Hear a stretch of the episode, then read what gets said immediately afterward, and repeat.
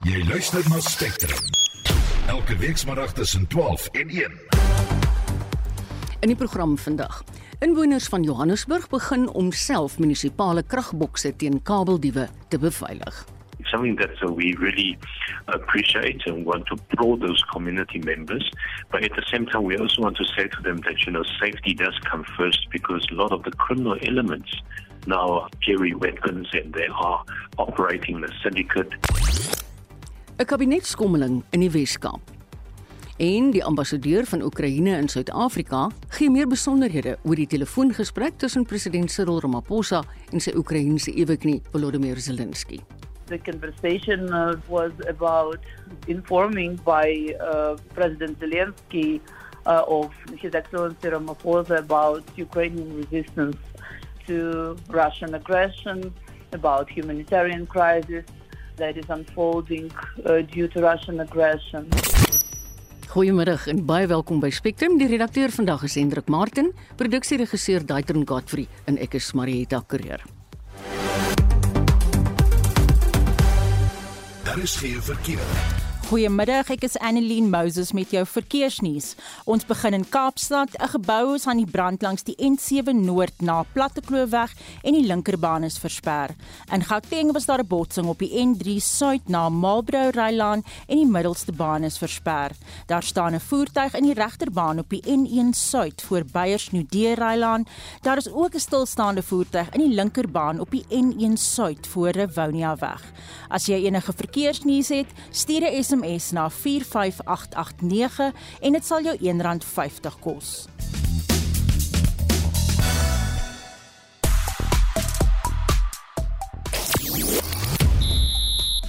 Goeiemiddag in sportnuus vandag. In Springbok rugby is wedstrydbeamptes aangewys vir die middeljaar toetsvenster en vier massiewe wedstryde vir Suid-Afrikaanse spanne vind die naweek in die Verenigde Rugby Kampioenskapsreeks plaas. Meer hieroor bietjie later. Ek is Christo Gawie vir Spectrum. Op Twitter is Earth Day die gewildste hitsmerk met omgewingsbewaringsgroepe wat mense aanraai om groener te leef. Eskom bly 'n warm onderwerp nadat die ANC gesê hy gesê het hy verwag meer van die kragvoorsiener. Mense wys die ironie van die stelling uit en sê dat dit juis die ANC is wat die skuld moet dra. Die vraag wat ons vandag van ons kant af aan die luisteraars wil stel. Môre is Wêreldboeke en Kopieregdag. Nou wil ons graag weet, koop en lees jy nog harde kopieboeke of verkies jy om 'n boek elektronies te lees? En wanneer laas was jy in 'n biblioteek? Ons het al begin terugvoer kry van luisteraars. Lita Hartman sê, "Ek verkies boeke. My man lees graag elektronies." Stefan de Bruin sê ek was baie lank lank in 'n biblioteek, maar ek het baie boeke by die huis. Ek verkies om 'n boek in my hande te hou eerder as e-boeke. Altala beskagni skryf ek verkies papierboeke en ondersteun tweedehandse boekwinkels en buiteligmarkte se boekstalletjies. Ek hou daarvan om nuwe boeke as geskenke te gee. Resepteboeke bly op my bedkassie. Die lieflike kosprente is my slaaptyd stories. Petra Kamfer vir Joen sê ek verkies om 'n boek in my hand te hou en te lees. Ek koop graag tweedehandse boeke by ons stalletjies in Hartenbos en Grootbrak. Lona Lampreg laat weet. Ek is vandat ek kan onthou weekliks biblioteek toe geneem deur my ma. Ek is nou 41 en ek kry steeds 'n gevoel van saligheid wanneer ek by 'n biblioteek instap en dit is gereeld. Gooi asseblief jou stywer in die armbeurs. Stuur 'n SMS na 45889 teen R50. Jy kan ook 'n stemnota stuur na 076 536 6961. Ek herhaal hom 076 5366961 of praat saam op die Monitor Spectrum Facebookblad. Spectrum, jou middagnuusprogram op RSG. En ons ateljee oorlosie sê dit is 9 minute oor 12. Twee verdagtes is vir die moord op Louis en Ina Kloete in Lewobo, buite Toyandou in Limpopo in hegtenis geneem.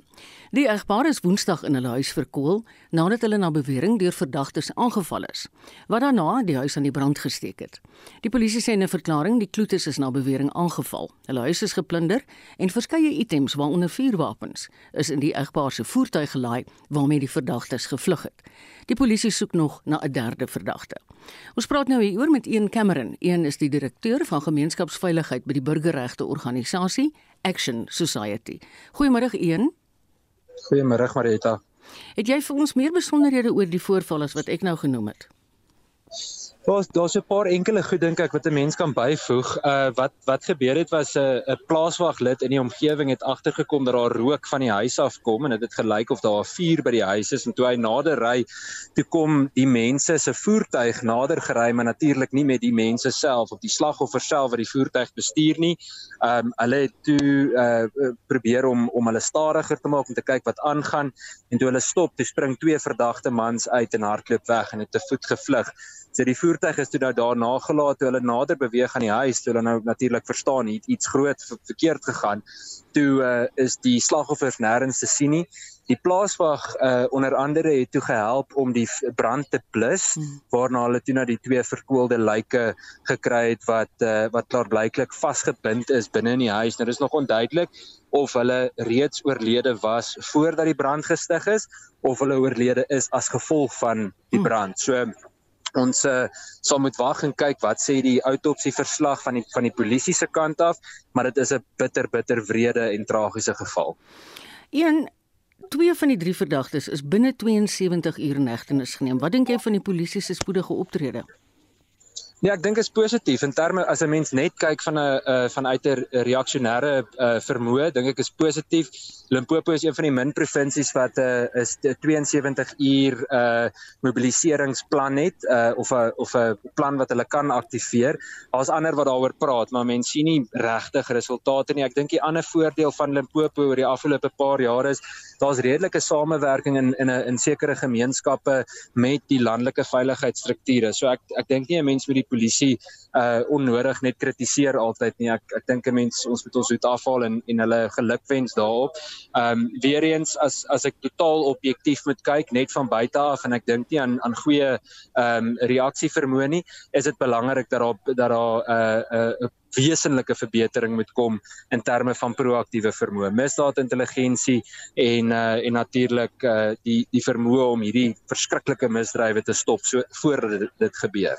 Kyk Jan, jy sê jy was op soveel plaasmoordtonele, maar jy het net nou verwys na hierdie een as besonder gruisam. Ja, ek ek was nie self op hierdie ene nie, maar en en sonder om in te veel uh, grie detail in te mm. gaan vir vir mense wat luister, dink ek, jy weet, ehm um, dis een ding om om mense aan te tref of te sien wat uh wat wat wat dood geskiet is of dood gesteek is, maar ek dink dis 'n dis 'n ander ding, of weet, dis 'n ander ding as jy nie net sien dat mense aan die brand gesteek is nie, maar dit jy dit ook ryk. Ehm um, ja. al daai dinge is uh dink ek word deel van die mense wat wat dit moet beleef en wat reageer na hierdie dinge toe en ek wil sommer die geleentheid juis gebruik om om vir plaaswagte in die land net te sê julle doen fenominale werk want ek dink ehm um, sonder hulle sou die uh, sou die huidige situasie wesentlik slegter gewees het as wat ons reeds beleef. En ons moet ook nie die die trauma hiervan onderskat wat dit op die gemeenskap het nie. Al hierdie dinge en selfs wat ek nou gesê het veroorsaak tweedehandse trauma en ons moet baie ja. baie mooi kyk dat mense geestelik gesond bly. Jy weet een wat vir my so erg is en heel ironies is is dat die Kloete se seun Andrius juis gehelp het om die brand te probeer blus terwyl hy nie geweet het sy ouers is binne in nie. Ja, ek ek ek kan nie eers ek ek kan net sê jy weet mense is is jammer om te hoor dat dit gebeur is. Dit is verskriklik. As 'n mens uh, op jou eie ouers moet afkom as as so iets gebeur, ek ek ja. kan nie eers indink waar die raai persoon moet gaan nie. So mm. so dis vreeslik en ek meen dit minder as minder as 24 ure daarna was daar nog 'n aanval in Limpopo gewees. So ehm um, die die die dinge hou net hou net aan weer eens. As ons nie proaktiewe vermoë gaan hê waar die gemeenskap, die polisie en privaat sektor gaan saamwerk nie kan ons dit vergeet en om net doellose patrollies te ry alhoewel dit hier en daar bietjie help, gaan dit nie die probleme oplos nie. Ja. Baie dankie. Ons het gesels met Ian Cameron, die direkteur van gemeenskapsveiligheid by die burgerregte organisasie Action Society. Ons wil tog vra enige iemand met inligting wat kan lei tot die inhegtenisname van die derde verdagte. Word asseblief gevra om die ondersoekbeampte, kaptein Mashudu Muneri te kontak. Sy nommer, asseblief as jy 'n pen en papier het, 082 469 1260. Ek herhaal hom, kaptein Muneri. 082 469 1260 dan is daar altyd die stop misdaadnommer 086 00 10111 Ons gaan aan met hierdie onderwerp en ons gesels nou met die uitvoerende direkteur van Agri SA Christo van der Rede. Goeiemôre Christo. Middag, middag aan al die luisteraars. Jammer dat ons onder hierdie omstandighede vandag met jou gesels. Hoe dikwels hoor jy van plaasaanvalle waar mense eers gemartel is en dan word hulle gebrand? Ek meen regtig. Dit is op 'n gereelde grondslag, maar laat ek eers net namens die sektor ook ons uh, innige medelee betuig aan die familie. Dit is al totaal onaanvaarbaar. Mm. Uh, in ons gesprekke met regering, met die minister van polisie, met die vorige kommissaris, jy weet, was daar dikwels uh, baie beloftes gemaak aan ondernemers gegee, maar daar's net nie 'n einde hieraan nie. Ek kan my net indink uh, wat 'n trauma die uh, uh, plaaslike gemeenskap beleef mm. en uh, wat 'n trauma die familie, die naaste familie beleef dit is onaanvaarbaar dat dit in 'n moderne land, 'n beskaafde land moet gebeur. Uh, en dit ons baie duidelik uh, dat dat hier uh, 'n misdaad uh, tendens is. As ons dit nie gaan omkeer nie, uh, gaan ons nie einde sien aan hierdie uh, brutale moorde en aanvalle nie. Christo, jy het nou 'n redelike algemene prentjie van die situasie wat op plase aangaan. Hoe lyk die plase aanvalstatistiek vir al in Limpopo? Kyk, ehm um, in Limpopo, dalk moet ek net eers begin met die nasionale statistiek. Ons weet dat eh uh, vir die eerste kwartaal van 2021-2022 en dis nou die amptelike statistiek van die polisie, uh, was daar so wat 182 aanvalle. Uh, 119 insidente uh, wat uh, uh, gemik was op diefstal en dan 15 moorde. Uh, wat as gevolg van hierdie wat op wat voortgespreek het uit hierdie uh, um, uh, diefstal wat uh, hierdie uh, misdadigers probeer pleeg het. Uh, in Limpopo self uh, sien ons uh, uh, ook 'n uh, uh, tendens uh, of wat ek wil sê 'n uh, verhoging in in die aantal aanvalle. Uh, behalwe die een wat nou plaasgevind het, was daar ook ander pogings en dan daarmee saam sien ons ook geweldige hoë vlakke van uh, diefstal. Met ander woorde vandalisme, ja. uh, inbrake by plase en so voort. Watter maatreëls geld deesdae ten opsigte van landelike veiligheid? Kyk, AgriSA het uh, wat ons noem Agri Securitas. Nou de, ons beheer dit van net namens die sektor. Ehm um, uh, en 'n deel daarvan is om uh, kamerasisteme in plek te sit. En hierdie kamerasisteme werk werk baie goed want ons betrek die uh, plaaswagte, ons betrek die polisie en ons betrek private sekuriteit by daai pogings dit kos geld. Ons is die afgelope paar maande besig om geld in te samel by verskillende groot maatskappye. Ons het heelwat ondernemings. Mm. Maar die krisis is baie groot en en dit is nie is uh maar dit is dat selfs Eskom en Transnet kom nou na ons toe en vra vir hulp. Ja. Want uh hulle eie uh um uh, pipeline wat van Durban diesel moet bring na Gauteng toe is by talle kere is dit gevandaliseer ons sien ook geweldige uh, diefstal van koper en beskadiging van uh, Transnet as ook uh, Eskom infrastruktuur en uh, ons werk baie nou saam saam met hulle ook nou ja. om uh, ook hulle infrastruktuur te beskerm. Dit is verskriklik, maar baie dankie vir jou tyd Christo. Dit was die uitvoerende direkteur van Agri SA, Christo van der Rede. Jy was op haar navraag per SMS, ek herhaal net weer. Enige iemand met inligting wat kan lei tot die inhegtenisname van die derde verdagte van die aanval by Levubu. Die ondersoekbeampte is kaptein Mushudu Muneri. En sy selfoonnommer is 082 469 1260. 082 469 1260 of jy kan altyd die stop misdaad nommer skakel. Ons het nou gehoor van hierdie kabels wat gesteel word. Gemeenskappe in en om Johannesburg het begin om elektriese substasies en transformators self teen kabeldiewe te beveilig. Polisieeringsforums en ander groepe patrolleer snags die strate om diefstal en vandalisme te verhoed, omdat hulle keelvol is vir kragonderbrekings wat deur kabeldiewe veroorsaak word. Annelien Moses doen verslag. Die burgemeesterskomitee lid vir omgewing en infrastruktuurdienste, Michael San, sê dit is bemoedigend om te sien dat gemeenskappe op die wyse organiseer om self iets aan die probleem te doen. Guarding the infrastructure where it's mostly likely to be vandalized by criminals in order to gain the users or even the copper wires within this infrastructure. So it's something that uh, we really appreciate and want to applaud those community members. But at the same time, we also want to say to them that, you know, safety does come first because a lot of the criminal elements now carry weapons and they are operating the syndicate. San het egter gewaarsku dat gemeenskappe die polisie se hulp moet inroep en nie die reg in eie hande moet neem nie. Our community members are really fed up. They really had enough of cable thieves and vendors breaking those infrastructure, you know, stealing cables. And the result is that uh, not just the city of Joburg, City Power suffers, you know, tremendous amounts of monetary losses having to repair and replace. But the bigger convenience and the losses are felt by the residents themselves and the businesses due to, you know, maybe hours and even days of power outage. And this is why I think that emotions are high, tensions are high, but we still want to ask the residents to be please, you know, remain calm. If they see anything suspicious, please do report it to the police and uh, let the police handle the matter. Hy sê die stad Johannesburg en City Power ly groot finansiële verliese weens kabeldiefstal, vandalisme en onwettige kragverbindings. 6.7 billion rand is not a small amount. It, it's something that we can certainly use to ensure that we have better infrastructure investment. And to this extent, that City Power spends 100 million rand per year on guarding its infrastructures. And again, this is all monies that we can use on better areas to ensure that we have, you know, improved service delivery and ensure that services are uninterrupted to our residents and businesses. San sê die stad wend verskeie pogings aan om kabeldiefstal en vandalisme te verhoed. We have our own contract security guard services that will be intensified to the hotspots, especially at substations and cables that are laid in the open felts. We've uh, engaged with the police and, of course, our local CPFs and community patrol groups are coming on board. We are looking to install CCTV cameras and alarm systems again at these hotspot areas to ensure that uh, there is the uh, you know quick response should anything happen. Hy sê gemeenskappe is besig om 'n deurbraak te maak.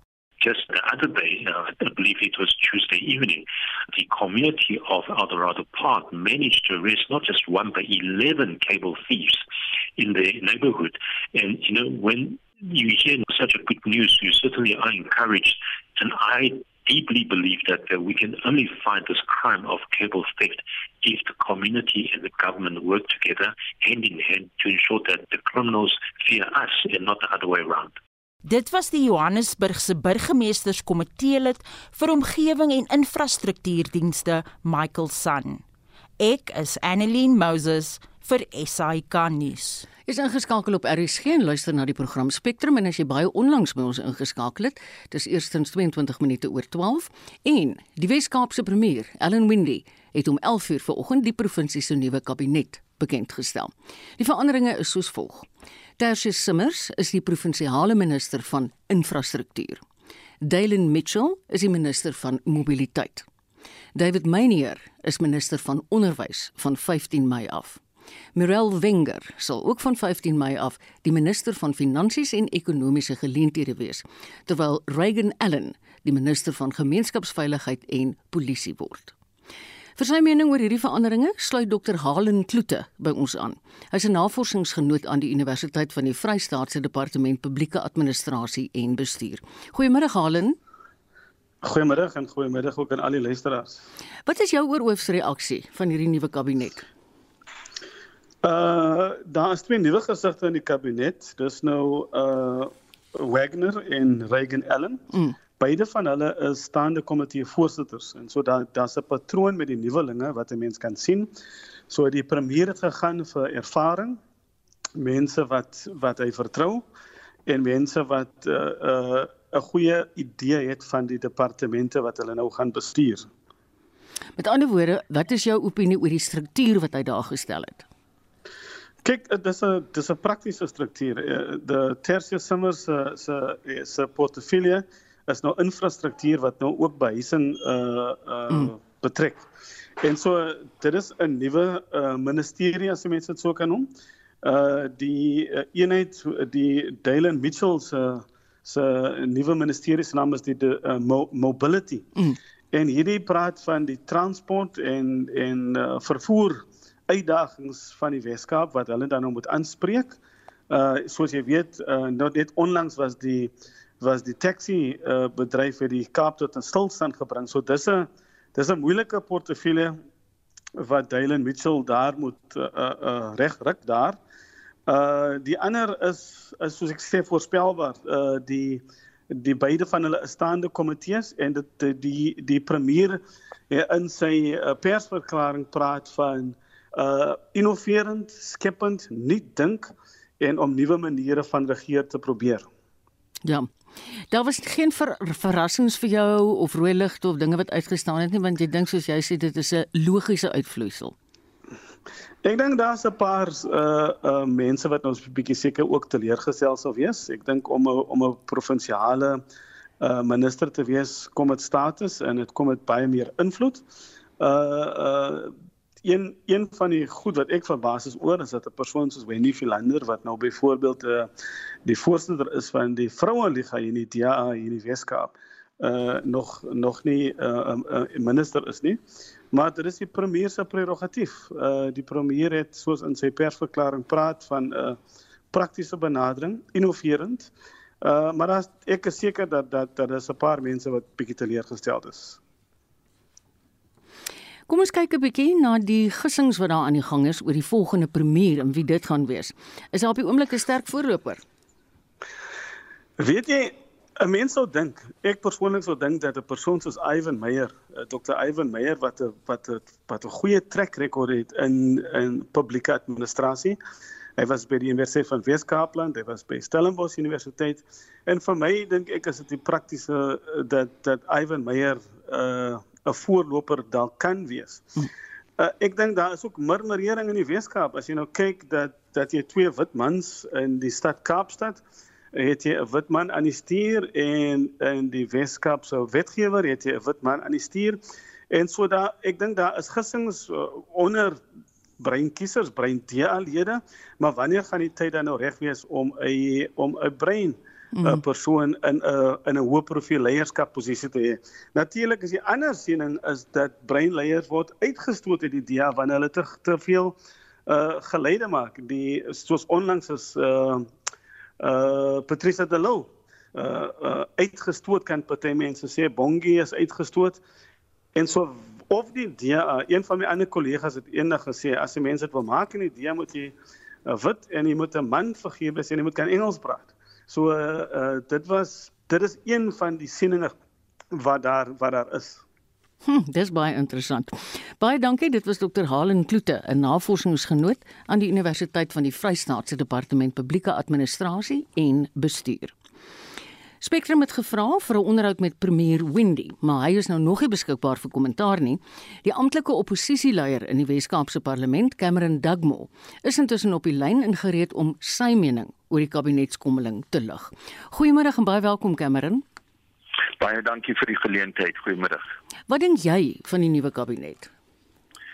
Ek dink soos die ehm um, vorige persoon op die program nou gesê het, ek dink wat hier gebeur is die die onderlinge ehm um, skriweling binne in die in binne in die, in die DA die feit dat Dan Plato is nie aangestel. Ek dink dit gaan baie ehm um, ontevredenheid uh, binne in die DA spesifiek in daai gemeenskappe ehm um, wat Dan Plato ken en hom ondersteun. Hy was mos die burgemeester van Kaapstad voor dit was hy gemeenskapsveiligheid LEK. En ons verstaan dat daar was eintlik 'n ooreenkoms dat as hy ehm um, nie die burgemeester gaan wees en ons weet is nou Jordan Hill Lewis dat hy sal definitief terugkom na die wetgewing en hy sal aangestel word of in gemeenskapsveiligheid of in uh, sosiale ontwikkeling. So die feit dat hy totaal en al uitgelaat is uit die kabinet is is ek dink baie interessant en gaan ongelukkigheid skep uh binne in uh, die DA. Ek dink hulle kon wel vir Dan Plato aangestel het as sosiale ontwikkeling, maar die feit dat hy is totaal uit, ek dink is 'n is, is 'n fout wat die, die DA gemaak het. Ons kan sien dat in die tussenverkiesing in Woolsley het hulle ondersteuning verloor. Uh, verlede keer het hulle met meer as 200 me, uh, stemme gewen. Die keer was dit amper net 65.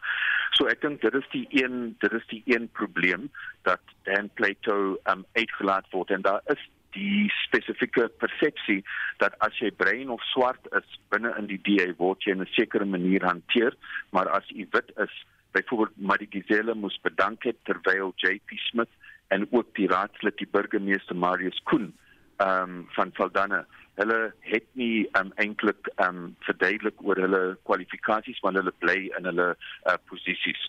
Ehm um, so dit is een issue. Ek dink die feit dat hulle nie um, iemand van of die swart of die bruin gemeenskap aangestel het as onderwys elika. Ons probleem nie net as die ANC maar die ander oppositiepartye in die gemeenskap was dat Debbie uh, Schäfer was nie bereid om omstandighede van onderwys te verander in die agtergeblewe gemeenskappe van die Weskaap. So die feit dat hulle vir nou David Mayne aangestel het is amper asof hulle wil sê hy gaan kyk na die welgestelde skole maar weer eens so Schäfer gaan hy nie eintlik ehm um, probeer om die ehm um, kwaliteit onderwys te bring na die meerderheid van skole. So Mayne is nie eintlik hy, hy weet nie van onderwys, hy het geen ervaring in onderwys en ons dink nie dat hy se persoon wat regstellende um uh optrede sou sou doen om daai situasie in in die meerderheid van ons skole te verander. Um die feit dat hulle ook nou Marie Wenger byvoorbeeld aangestel het as finansies, daar is byvoorbeeld Deirdre Bartman, 'n advokaat, 'n breinvrou wat definitief in die finansieportfolio komitee baie harde werk gedoen het en hulle het haar uitgelaat en Wenger aangestel. So ek dink in 'n manier gaan dit weer die ehm um, skriwelinge in die DA eintlik ehm um, ja. aan aan hits. En dan laastens, ek dink Reagan Allen ons moet sê as die voorsitter van daai komitee van gemeenskapsveiligheid, hy het baie hard probeer, hy's iemand wat op die grond is. So hopelik ehm um, sal hy beter doen as as Albert Fritz. Maar ek dink die feit dat hulle nie meer 'n spesifiek breinvrou 'n uh, eh, breinvrou aangestel het en hulle vir Dan Plato uitgelaat het. Die wat ons hoor is dat Helen Zille en uh John Steenhuisen het opdrag gegee dat hulle kan nie vir Dan Plato aanstel. Ek hoor dat Ellen Wendy wou hom aangestel het, maar daar was druk van hulle nasionale lede. So ons ons gaan natuurlik mense 'n kans gee um, as die oppositie, maar ek dink dat um, dit die besluit van die premier gaan die uh, uh divisions binne in die DA net sterker maak. Baie dankie Cameron. Dit was die amptelike oppositieleier in die Wes-Kaapse Parlement, Cameron Dugmore. En ons verskuif die aandag spesifiek na die gemeenskapsveiligheidsportefeulje. Vir sy mening hieroor sluit 'n lid van die VF+ se provinsiale wetgewer, Pieter Maree, by ons aan. Hy het vroeër aan Spectrum gesê dis 'n gevaarlike tyd om voortdurende veranderinge aan die provinsie se kabinet te maak. Goeiemôre Pieter. Goeiemiddag, goeiemiddag luisteraars. Hoekom sê jy so? Kyk, dit is nie polities wenslik om 'n kabinet te skommel gedurende omstandighede sodat ons nou beleef nie. Ons het COVID-19 wat steeds ons gesondheidsdienste lam gelê het. Ons het inperkings wat die ekonomie erg geskaad het. En ons skole is grootliks ontwrig. Uh, uh en ons moet hier nou sterk leiding van bekwame ministers wat die situasie verstaan en kontinuïteit in beleid kan voortsit. En ek ken nou 'n nuwe minister wat sy eie stempel wil afdruk en met nuwe beleidsaanpassings kom nie om onderwysers en verpleegsters en dokters en sake mense se storie heeltemal weer van oor af die mekaar trap nie. Ons kan nie nou musical chairs speel nie. Dit is onsluk. Pieter, kan ek jou vra, wat moet gebeur om die kwessie van gemeenskapsveiligheid, veral dan nou in die Wes-Kaap, behoorlik reg te ruk? Kyk, gemeenskapsveiligheid, jy moet keer iemand wat die Wes-Kaap verstaan. Iemand wat die wetenskapse dinamiek verstaan omtrent bende bedrywighede en en anders jy hier iemand bring uit 'n ander provinsie of hoe ook al en maar kom die kommissaris wetenskapse kommissaris van polisie met geen begrip nie van die wetenskapse eie unieke kultuur kyk die die bendebedrywigheid kom al aan van ek nog al laaitjie was. Ons het die bendes was destyds gewees amper soos 'n uh, uh, soos 'n Engels in die Kaap sê hulle somme as ons home guards. Die mm. een gang uh, gang het die, het die plek uh beveilig teen ander gangs wat van ander buurtale inkom en hulle het eintlik die steun gehad van die gemeenskappe altyd. Maar hulle het nog nie, hulle het mekaar aangeval en nooit mense nie. Dit was nou amper soos ons nou het rapid response. Mense moet die moet die kultuur verstaan wat in die Kaap was en aan die kom die dwelm basse hulle gebruik hierdie jong mense om dwelms te verkoop en dit in mekaar gebring. Ons kan die polisie oorneem. En dit is waarom ons moet kyk waarna toe die DA nou met, met sy nuwe aanstellings en ook wat hy dit genoem het, jy weet. Ja, Pieter baie dankie. Ekskuus man, die tyd haal vir ons baie sleg in. Dit was die Vryheidsfront Plus se provinsiale wetgewer Pieter Maree. Die Oekraïense ambassadeur in Suid-Afrika, Lyubov Abrovitova, sê voedselsekerheid was een van die belangrikste onderwerpe van bespreking tydens die telefoongesprek tussen president Cyril Ramaphosa en sy Oekraïense eweknie, Volodymyr Zelensky. Die gesprek het uiteindelik hierdie week plaasgevind. Hendrik Martin het meer besonderhede. Abrovitova sê hoewel sy as ambassadeur nie aan die gesprek tussen Zelensky en Ramaphosa deelgeneem het nie, sy tog oor die inhoud daarvan ingelig is. We have uh, information about the call and we are aware that the conversation uh, between the presidents was about informing or by uh, President Zelensky uh, of His Excellency Ramaphosa about Ukrainian resistance to Russian aggression, about humanitarian crisis that is unfolding uh, due to Russian aggression.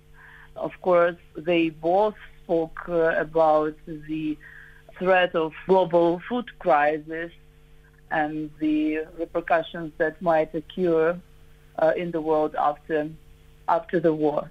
Then, of course, we spoke uh, with uh, your president about the uh, cooperation within uh, different international organizations and deepening of relations between Ukraine and South Africa and not only Ukraine and South Africa, but also Ukraine and African continent. Dit was weens Abravitova se volgehoue eiwer dat die gesprek plaasgevind het. Daar was vroeër berigte in die media dat sy gefrustreerd gevoel het omdat dit glo so moeilik was om Ramaphosa te oortuig om so 'n gesprek te hou. Mm, I was not critical about the call was not happening. We were working on the call for a long time. And it will be interesting for our listeners to know that this is the first contact on that highest level that we had yesterday. We didn't have it since maybe 2015 or 2010. I have to precise. So many, many years, uh, we didn't have contact between presidents. And this was something that we were planning even before the invasion started when invasion started, of course, it became more crucial and uh, uh, important to uh, talk. And the substance, of course, uh, changed from what we were going to discuss before invasion. But yes, it's uh, it's a very important call. Sy is nietemin krities oor die Suid-Afrikaanse regering se standpunt van neutraliteit. Neutrality um, must be respected, but you cannot not accuse the invader and you have to call the war a war. And the humanitarian crisis, basically catastrophe that is unfolding in Ukraine, this is something that we have to address. And I believe we have obligation because all of us are members of the United Nations organization to not only prevent such a crisis, but also to stop them when they already occurred. Sê Suid-Afrika voel reeds die uitwerking van die oorlog op die wêreld. You cannot stand aside from that type of war that is going and already affecting your people, your country's economy. And especially in those countries where the issue of food security is that sensitive. I believe we have to, be very, very alarmed. And it doesn't matter whether the country is located geographically closer to Ukraine or very far. Maybe that is why such countries, Japan or Australia, Brazil, are on the alarm mode about this war of Russia in Ukraine. Dit was die Oekraïense ambassadeur in Pretoria, Lyubov Abravitova. Ek is Hendrik Martin vir SAK nuus. Spectrum, jou middagnuusprogram op RSG. In die nuus, die rand het tot dusver vandag met bykans 2% teenoor die dollar verswak. In oggendhandel op die JSE het die dollar R15.60 gekos. Gister het die rand onder R15 teenoor die dollar verhandel. Die ambassadeur van Oekraïne in Suid-Afrika, Lyubov Abravitova, het opnuut gewaarsku dat die Russiese oorlog teen Oekraïne voedselsekerheid wêreldwyd bedreig. Sy het gepraat na gister se telefoongesprek tussen die Suid-Afrikaanse president Cyril Ramaphosa en sy Oekraïense eweknie Volodymyr Zelensky. The conversation uh, was about informing by uh, President Zelensky uh, of His Excellency Ramaphosa about Ukrainian resistance to Russian aggression, about humanitarian crisis that is unfolding uh, due to Russian aggression. Ons begin in Gauteng, 'n botsing op die N12 En Robben Eiland Museum reageer op beweringe dat artefakte weggeraak het. Daar is geen verkeer. Ons begin in Gauteng, 'n botsing op die N12 Wes by die Gelulies visselaar en die linkerbaan is versper. Die verkeer vloei weer op die N3 Suid na 'n botsing vroeër by die Marlborough wisselaar. Daar is ook 'n stilstaande voertuig in die linkerbaan op die N1 Suid voor Rivonia weg. In Kaapstad brand 'n gebou langs die N7 Noord na Plattekloof weg en die linkerbaan is versper. Dit was dan jou verkeersnuus vanmiddag hier op Spectrum.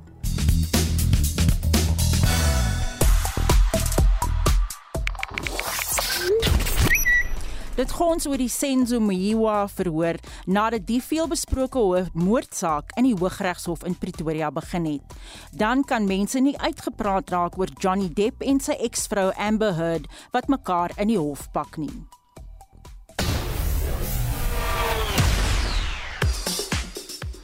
Dis vandag dag 2 van die ASA Nasionale Atletiek Kampioenskap by Groenpunt in Kaapstad. Dag 1 het baie opwinding veroorsaak met Akani Simbini wat weer eens bekroon is as die mans 100 meter kampioen terwyl Karina Hon as vroue kampioen weggestap het.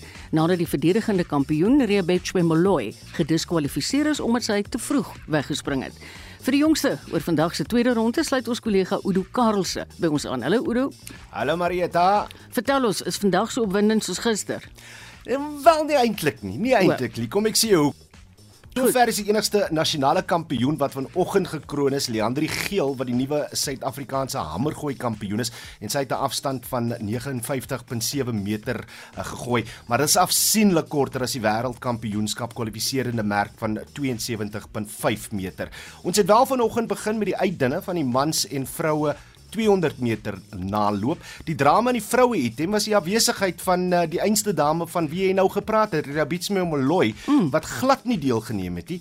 En daar's ook 'n verduideliking gegee daaroor, nee, ek het gaan vra by Atletiek Suid-Afrika vanoggend, maar hulle kom my niks sê nie. En, en soos jy in die inleiding gesê het, is Molloy gister in die 100 meter finaal gediskwalifiseer vir 'n foutiewe wegspring, so 'n rampspoedige nasionale kampioenskap vir haar. Die vinnigste dame in die 200 meter, Shirley Nekubui in 23.23 sekondes gevolg deur Tamsin Thomas in 23.27 sekondes en die derde vinnigste was Miranda Kutse in 'n tyd van 23.58 sekondes uh in 22.8 sekondes is wat benodig is vir 'n wêreldkampioenskap kwalifisering daar.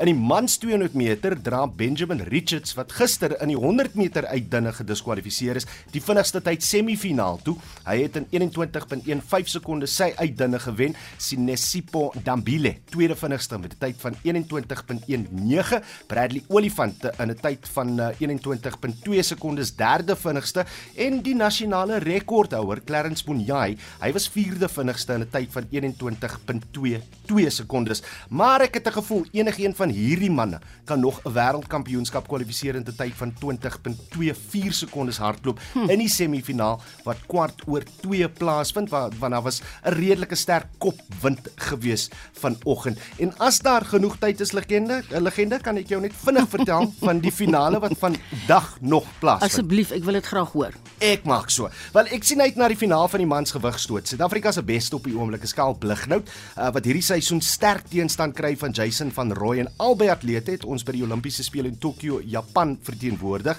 Hulle soek 'n afstand van 21.1 meter om die SA span vir die wêreldkampioenskap te haal. Nou van Rooi en se beste hierdie seisoen is 20.64 meter, Lignoutsin 20 1.43 meter. So dit gaan 'n bilie van 'n mm. botsing wees. Mm. Hierdie twee kom 3:30 vanmiddag teen mekaar te staan en dan die ander finaal waarna ek uitsien is die mans 110 meter hekkies en daar kyk hulle het nou die hekkies in die regte plek gekry vir beide die mans en die vroue. Uh maar daar verwag ons 'n monumentale stryd tussen nasionale rekordhouer Antonio Alcana en Roan de Vries. Hierdie twee het al 26 keer teen mekaar in finale te staan gekom met Alcana wat 18 van hierdie kragmetings gewen het de Vries net 8 en die manne is 15 minute voor 3 te sien op die baan Jou baie dankie Udo. Dit was Udo Karelse, hy's deel van ons sportredaksie.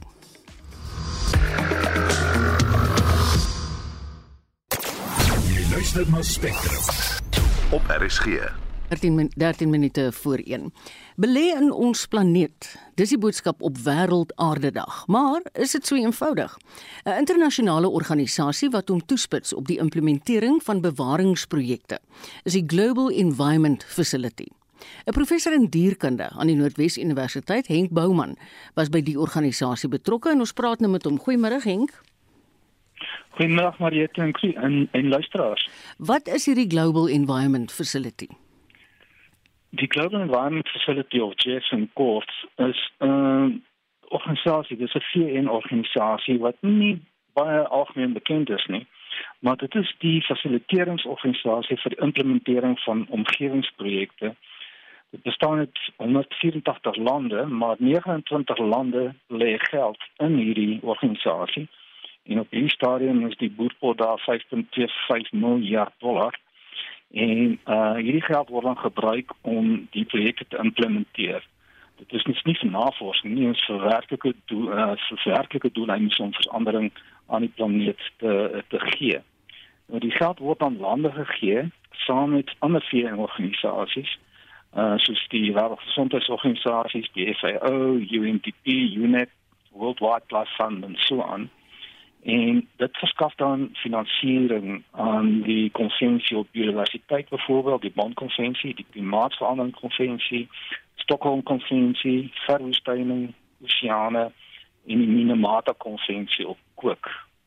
Dus hier gaan miljoene dollar gaan hier aan projekte juis om sê maar nuwe land te koop vir bewaring of om vuilgebiede skoon te maak en so aan. Jy het vroeër gesê dat stede tog voordele inhou vir 'n gesonder planeet. Hoe so? Stede is 'n redelike konsentrasie van mense en aktiwiteite op een plek en dit beteken dat dit dalk makliker is om enige impakte van daar af te ehm um, te beheer en te reguleer en te bestuur eerder as 'n wyd verspreide soort van impakte wat wat jy het. En uh indien ons dit kan regkry, dan ehm um, gaan dit nogal ehm um, baie kan help. Hmm. Uh, dit help al reeds. Ek burgemeesters is verantwoordelik vir die mense in hulle in die omgewing in hulle gebiede, in hulle stede en dorpe en so aan. En hulle het 'n baie goeie idee van wat aangaan daarso, dis hulle ideaal is dan dit is ideaal. Ja. Dat hulle na beide moet omsien en uh probeer dinge daar te doen.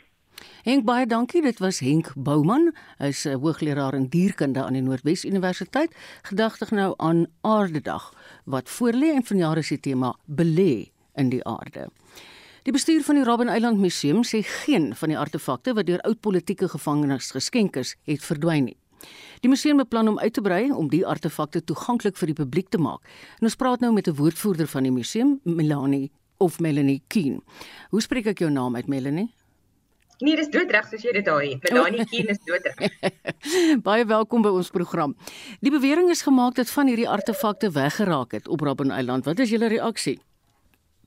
Dit is beslis nie die geval nie. Hierdie artefakte is in veilig bewaring. Dit is eintlik in die argiewe by die Universiteit van Wes-Kaapland. Ons het 'n vennootskap met hulle. So soos wat ons dit ontvang het, ehm um, het ons dit oorhandig aan hulle om dan nou 'n inventaris op te stel en dit veilig te be behou in die argiewe. En ons is natuurlik tans ook besig om te kyk hoe ehm um, hoe ontpak ons hierdie ding sodat daai goed dan nou meer toeganklik kan wees mm. sodat mense dit kan sien sodat mense toegang kan hê om om te weet af van waar dit vandaan kom um, en en wat die storie agter agter daai artefakte is. Kyk dis oud politieke gevangenes wat hierdie goederes gemaak het en toe nou uit hulle besittings dit teruggeskenk het aan die museum. Maar wat is hierdie tipiese artefakte? Kan jy my 'n voorbeeld gee? Ja, so ons ons kyk na na briewe, memoirs, fotos, dalk 'n bord, ehm um, uh dalk 'n koffiebeker, ehm um, ja. sport sporttoerusting. Sport het 'n mm. baie groot deel van die gevangenes se se, se daaglikse programme daar uitgemaak. So dalk 'n cricketkorf of 'n sokkerbal, ehm mm, mm. um, of 'n kledingstuk. So so dit is 'n rye verskeidenheid 'n wye verskeidenheid ehm um, van van artefakte wat daar is. Daar was ook kritiek op die museum omdat hulle glo Zimbabweërs in diens geneem het. Wat is julle reaksie daarop? Dis regtig, ehm um, dis hartseer dat in hierdie dag ehm um, daar nog sulke haatspraak uitlatings gemaak word want want uh, Robben Eiland spesifiek het het 'n verhouding met Afrika. Um en in in 'n tyd waar waar versoening nodig is, is dit regtig nie nou die tyd om verdeeldheid te saai met Afrika nie. Maar spesifiek die die politieke gevangenes wat wat wat aangehou was op Robben Island, baie van hulle het veilige herberg, het opleiding, het finansiële ondersteuning gekry uit Afrika lande, spesifiek Zimbabwe. So vir 'n voormalige gevangenes om nou sulke uitlatings te maak teen Zimbabwe, um is regtig hartseer en mm. kommerwekkend. Ja, daar is nie plek vir sulke gesprekke in vandag se Suid-Afrika of in Afrika nie. Baie dankie Melanie, dit was 'n woordvoerder van die museum op Robben Eiland, Melanie Keen. Die sake nuus word vandag aangebied deur Rian Gerber, portefeuljebestuurder by Sanlam Private Welvaart. Goeiemôre Rian. Goeiemôre. Die Johannesburg effekte beurs volg internasionale markte laer in die oggendsessie met die beurs op 70638 indekspunte of 1% laer vir die dag sover. Dit is die Oberon aandele wat kwai onder druk is met die met hierdie indeks 2,6% laer vir die dag. Die Namerat indeks is 0,17% laer terwyl die finansiële indeks 0,6% daal. Die Afrikaanse rand gaan nou bykans 1,5% swakker teenoor die Amerikaanse dollar en staan nou op R15.60. Teenoor die Britse pond 20.8 sent en die euro op R16.85 na die aandele kyk, Kumba Eyster Erts verhandel 7.5% laer op R537 per aandeel. Die mynbou Reus Anglo American verloor 3% na R718. As ook Sasol 2.7% laer op R370 per aandeel. Positief is die algemene handelaars. Hulle vaar goed vandag met Pick n Pay 3.3% sterker op R59.60 per aandeel. Shoprite 3% hoër op R240 per aandeel. En dan ook Prosus is aan die omkeer na treurige week spaar dit verhandel 1.5% sterker op R730 per aandeel. In die buiteland volg internasionale markte ook 'n negatiewe momentum. Ek in Europa kyk, die Duitse DAX en die Euro Stoxx 50 is bykans 2% laer, terwyl die Britse FTSE 3/4 van 'n persent verloor. Die Asiëse beurse het in sluiting met meer as 'n persent gedaal vir die dag. Die beste aanleiding vir die Amerikaanse mark is om so 0,4% laer oop te maak later vanmiddag. En dan laastens op die kommoditeitsfront, goud verhandel 0,2% laer op 1944 dollar per ons. Brent olie is bykans 2% laer op 106 dollar per vat. Dis nie finansiële nuus, maar dan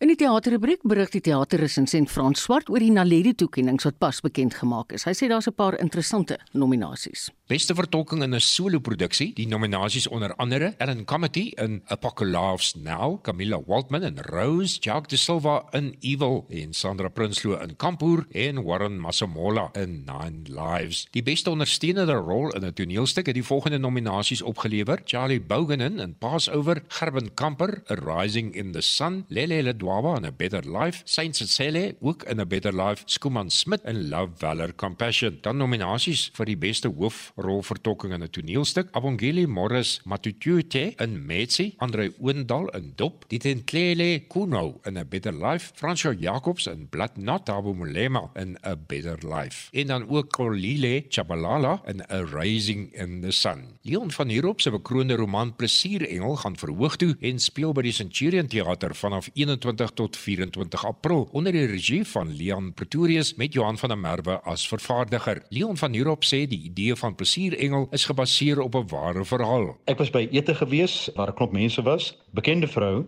het die jong man saamgebring. Hy was Engels. Hy het gehoor ek is 'n skrywer. Hy het vir my gevra of ek sy lewensverhaal wil skryf. Ek wou eers nie toe ek hoor wat hy doen, want ek het gedink dit gaan net 'n klomp erotiese tonele direk na mekaar wees, maar toe hy vir my vertel hoe tragies dit is en wat werklik gebeur het en dat dit nie werklik om seks gaan nie, maar eintlik om die beswering van eensaamheid, het ek ingestem, die boek na perskort toe gestuur wat later deur Lape oorgeneem is en uh, hulle het dadelik vir my gesê ja, hulle hou daarvan en dit is ook baie vinnig gepubliseer. Leon Pretorius, die regisseur, sê dat hy van Nierop se teks met omsigtigheid hanteer het. Vir my as regisseur was dit baie belangrik om getrou te bly aan die karakter wat Leon geskep het, om getrou te bly aan Tristan Hansen, wie en wat hy was. Van hierop sê dat hy by die oorspronklike roman se storie gehou het, maar dat hy heelwat ekstra tonele moes bywerk. Vir die teaterverwerking van Plesierengel moes ek natuurlik die storie behou presies soos dit in die boek is, want baie mense gaan kom kyk omdat hulle nostalgies is oor die verhaal oorspronklik, maar ek het verander daaraan. Ek moes dit so inkleem dat iemand dit kan vertel en dit nie noodwendig doen nie. So dit was 'n baie groot uitdaging die vertelling van dinge wat gedoen is sonder om dit te oormatig na vertellings te laat lyk. Dus is baie van die tonele gedramatiseer. Ek moes ekstra goed bygewerk het want sommige van die tonele is dit dieselfde as baie van die ander soos wat die oorspronklike Tristan dit vir my vertel het. So ek het probeer om variasie te gee en ek het so 3 of 4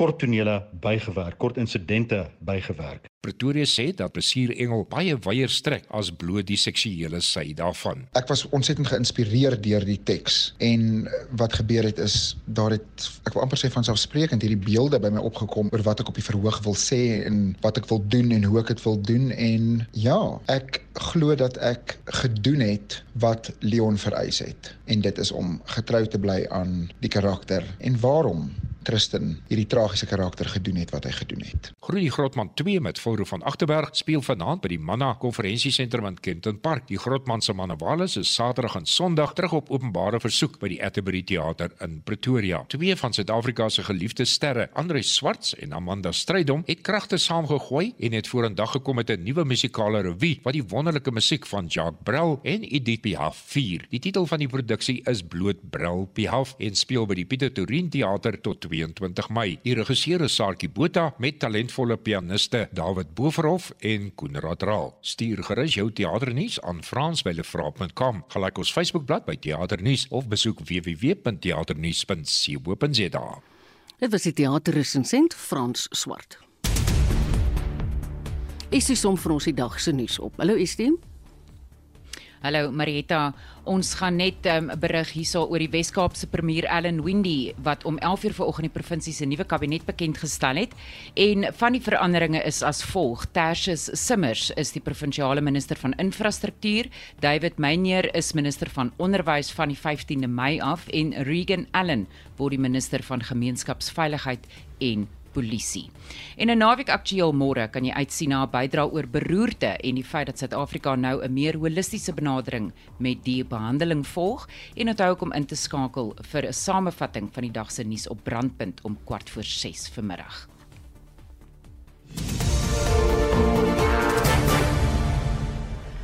Daar sien en daai kenwyse bring ons aan die einde van vandag se uitsending van Spectrum. Ek groet namens uitvoerende regisseur Nicoline de Wee, vandag se redakteur Hendrik Marter en Daitron Godfrey was ons produksieregisseur.